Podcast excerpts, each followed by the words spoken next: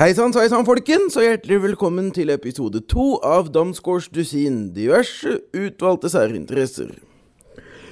I episode to skal jeg, Mathias Damsgaard Rudson, ta for meg et av de norske folkeeventyrene som Asbjørnsen og Moe har samlet inn og skrevet ned, som jeg er aller mest glad i. Og Dette er et eventyr som handler om en gutt som nok kan ligne litt på Emil i Lønneberget, bortsett fra at han er mye mer brutal, og eh, det han gjør er så fælt at det nok aldri kunne passe inn i noen barnebok av Astrid Lindgren, i hvert fall. Gutten heter Peik, og eventyret er ikke av de mest kjente, men det er veldig morsomt, og er faktisk mitt yndlingseventyr Asbjørnsen og Moe. Og nå skal dere bare høre. Peik. Det var en gang en mann og en kone. De hadde en sønn og en datter som var tvillinger, og de var så like at de kunne ikke skilles fra hverandre ved annet enn klærne. Gutten kalte de Peik. Han var lite til nytte mens foreldrene levde, for han hadde ikke vett annet enn å gjøre narr av folk, og han var så full av spikk og skøyerstreker at ingen kunne være i fred for ham. Men da foreldrene var døde, ble det verre ennå. Han ville ikke ta seg noen ting til, han gjorde bare ende på det som var igjen etter foreldrene, og la seg siden ut med alle folk. Søsteren strevde og karet alt det hun orket, men det ville ikke nytte, og så sa hun til ham hvor galt dette var, at han ikke ville gjøre noe nytte for seg og spurte Hva skal vi ha å leve av når du har gjort ende på alt? Ja, så vil jeg ut av narren, sa Peik. Ja, da kommer du tidsnok, Peik, sa søsteren. Ja, få prøve, sa Peik. Da det var ende på alt, så hadde de ikke mer, og så lakket Peik av gårde, og han gikk og han gikk da han kom til kongsgården. Der sto kongen ute i gangen, og da han fikk se gutten, så sa han Hvor skal du hen i dag, Peik? Å, jeg skulle bort og se om jeg kunne få narra igjen, sa Peik. Kan du ikke narre meg, da? sa kongen. Nei, jeg kan nok ikke det, skjønner du, for jeg glemte igjen eh, narrestikkene mine hjemme, sa Peik. Kan du ikke gå etter dem, sa kongen, jeg kunne ha lyst til å se om du er slik en skøyerfant som folk sier, sa han.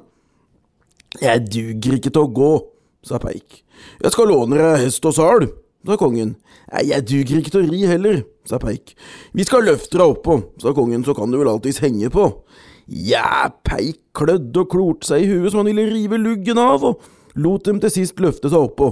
Der satt han og slang både hit og dit så kongen kunne se ham, og kongen lo så det tåret i øynene, for slik rytter til hest hadde han aldri sett før. Men da Peik var kommet inn i skogen bakom haugen, så kongen ikke kunne se ham lenger, satt han som han var spikret og red av sted, som han hadde stjålet både Gamp og Grim, og da han kom til byen, solgte han både hesten og salen. Kongen gikk der imens og stundet og ventet på at Peik skulle komme dinglende tilbake igjen med narrestrekene sine, og lo innimellom når han kom på hvor ynkelig han så ut da han satt og slang på hesten som en høysekk som ikke klarte å bestemme seg for om den skulle dette til høyre eller venstre. Men det varte i syv lange og syv brede, og det kom ingen Peik. Så skjønte kongen til sist at han var narret og snytt både for hest og sal, enda Peik ikke hadde narrestrekene sine med seg. Og da ble det en annen låt, for nå ble kongen sint og ville i vei å ta livet hans. Men Peik hadde fått visst dagen da kongen skulle komme, og sa til søstera si at hun skulle sette på veiksteinsgryta med en dråpe vann i. Og med det samme kongen kom, reiv Peik gryta av armen og inn på stabben med den, og kokte grøt på huggestabben. Kongen så på dette og ble så rent oppi under at han glemte det han kom etter. Hva vil du ha for den gryta? sa han. Jeg kan ikke være av med den, sa Peik. Hvorfor kan du ikke det, sa kongen, jeg skal gjøre rett og riktighet for meg, sa han. Jo, den sparer meg både bry og penger, både skogleie og hyggelønn, både kjøring og føring, sa Peik. Ja, det er det samme, jeg gir deg hundre daler, sa kongen. Nå har hun narret av meg hest og sal og biksel på kjøpet, men det får gå for det det er, bare jeg får den gryta, sa han. Ja, så fikk han ha den, da, sa Peik. Og da kongen kom hjem, så ba han fremmede og laget gjestebud, men maten skulle de koke i den nye gryta, og den tok kongen og satte midt på gulvet. De fremmede trodde kongen ikke var riktig vettug, og gikk der og dyttet til hverandre og lo av ham, og han gikk omkring gryta og kaklet og kaklet og sa alltid et ja, ja, vent bare litt, ja, ja, vent bare litt, nå koker det snart. Men det ble ingen kok. Så skjønte han at Peik hadde vært ute med narrestrekene sine og lurt ham igjen, og ville av sted og drepe ham. Da kongen kom, sto Peik ute ved låven. Nå ville hun ikke koke, sa han. Nei, hun ville ikke det, sa kongen, men nå skal du unngjelde for det, sa han og ville fram med kniven. Ja, det skal du få meg til å tro, sa Peik, for du tok ikke stabben. Skal tro om det ikke er løgn du farer med, sa kongen. Nei, det er stabben det står på, hun koker ikke uten, sa Peik. Ja, hva skulle han ha for den?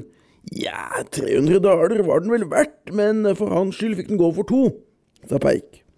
Så fikk kongen stabben og reiste med og ba fremmede og laget gjestebutt og satte gryta på stabben midt inne i stua. De fremmede trodde han var blitt både tull og tosk, og de gikk der bare og gjorde narr av ham, og han kaklet og kaklet om gryta og sa rett som det var, øh, vent litt, nå koker hun, nå koker hun snart. Men det ble ikke mer av det på stabben enn det det hadde blitt på bare gulvet. Så skjønte han at Peik hadde vært ute med narrestikkene sine denne gangen òg. Han rev seg i luggen og ville av sted på flekken og drepe han, og nå skulle han ikke spare ham enten han låt vel eller ille. Men Peik hadde laget seg til å ta imot kongen igjen. Han slaktet enhver, gjorde Peik og tok og hadde blodet i brystskinnet og pakket det ned i barmen på søsterski, og sa henne føre hva hun skulle si. Hvor er Peik? skrek kongen. Han var så sint at han skalv i målet. Han er så skrøpelig at han ikke orker å røre seg, sa hun, og så skal han prøve å få seg en uh, lur. Ja, du får vekke ham, sa kongen. Nei, det torde hun ikke, for han var så hissig av seg. Ja, jeg er enda hissigere, sa kongen, og vekker ikke du ham, så skal jeg, sa han og tok bort ved siden der kniven hang. Nei, så skulle hun til å vekke ham, men Peik snudde seg brått i sengen, dro ut en liten kniv og rispet henne i brystvomma så blodspruten sto av barmen på henne, og hun falt over henne på gulvet som hun var død. For en faen du er, Peik, sa kongen, skjærer ikke i hjel søstera di, og det så sjølve kongen står og ser på det, sa han. Ho-ho, det er ikke så farlig med liket så lenge det er Pust i nesa på meg, sa Peik og fikk fram et bukkehorn, som han ga seg til å tute på, og da han hadde tutet en brudeslått, så satte han hornet borte søstera og blåste liv i henne igjen.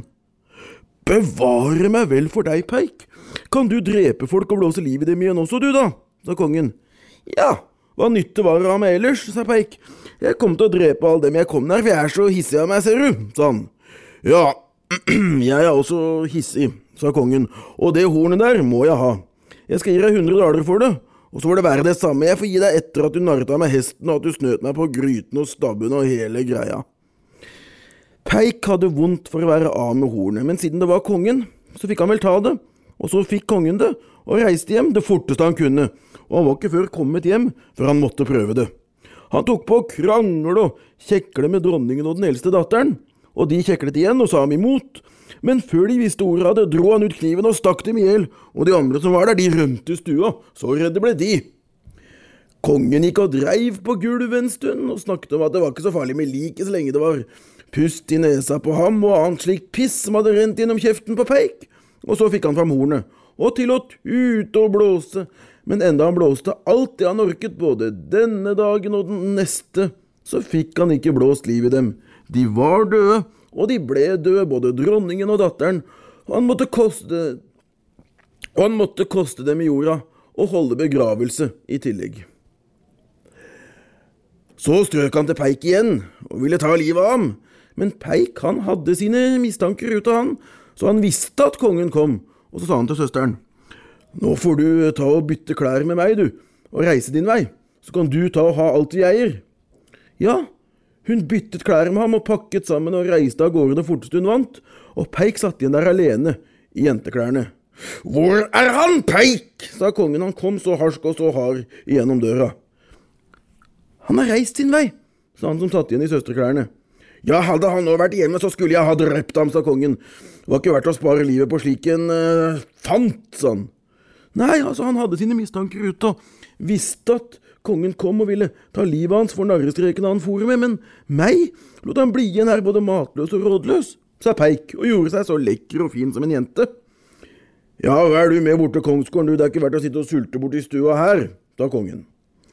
Ja, det ville han gjerne, og så tok kongen ham med seg og lot ham lære alle ting og holdt ham som sin egen datter, og det var mest som kongen hadde igjen de tre døtrene sine, for peikegutten sømmet og sydde og låt og lekte med dem og var sammen med dem både sent og tidlig. Og da det hadde gått en stund, så kom det en kongssønn på friing dit. Ja, jeg har tre døtre, sa kongen, det står på hvem du vil ha dem. Han skulle da få lov til å gå opp i sykammers og snakke og gjøre seg kjent med dem. Jo, så likte han Peik best og kastet et silkeplagg i fanget på ham. Og så var det til å brygge og bake til bryllupet, og da det hadde gått en stund, så kom skyldfolkene hans og kongens folk og tok på turer og drikke bryllup. Men da det led på kvelden første bryllupsdagen, så turte ikke Peik å bli lenger, og la av gårde så bruden ikke var å finne. Men det som verre var, begge kongsdøtrene fikk vondt så brått, og rett som det var kom det reisende to småprinser til verden, så folket måtte fare hjem midt i beste leken og bryllupsturingen. Kongen både sørget og var harm, og undres på hvordan dette hang i hop. Så satte han seg på hesten og red ut, for han syntes det ble for ødt og leit å være hjemme. Men da han kom ut på jordet, så satt Peik der, på en stein, og spilte på munnharpe. Sitter du her, Peik? sa kongen. Ja visst sitter jeg her, hvor skal jeg sitte ellers? sa Peik. Ja, nå har du narret meg grovt gang på gang, sa kongen, men kom nå, vær med hjem, så skal jeg drepe deg. Ja, det er vel så det, sa Peik, når ikke annen råd er, så får jeg vel til jeg med til sist, sa han.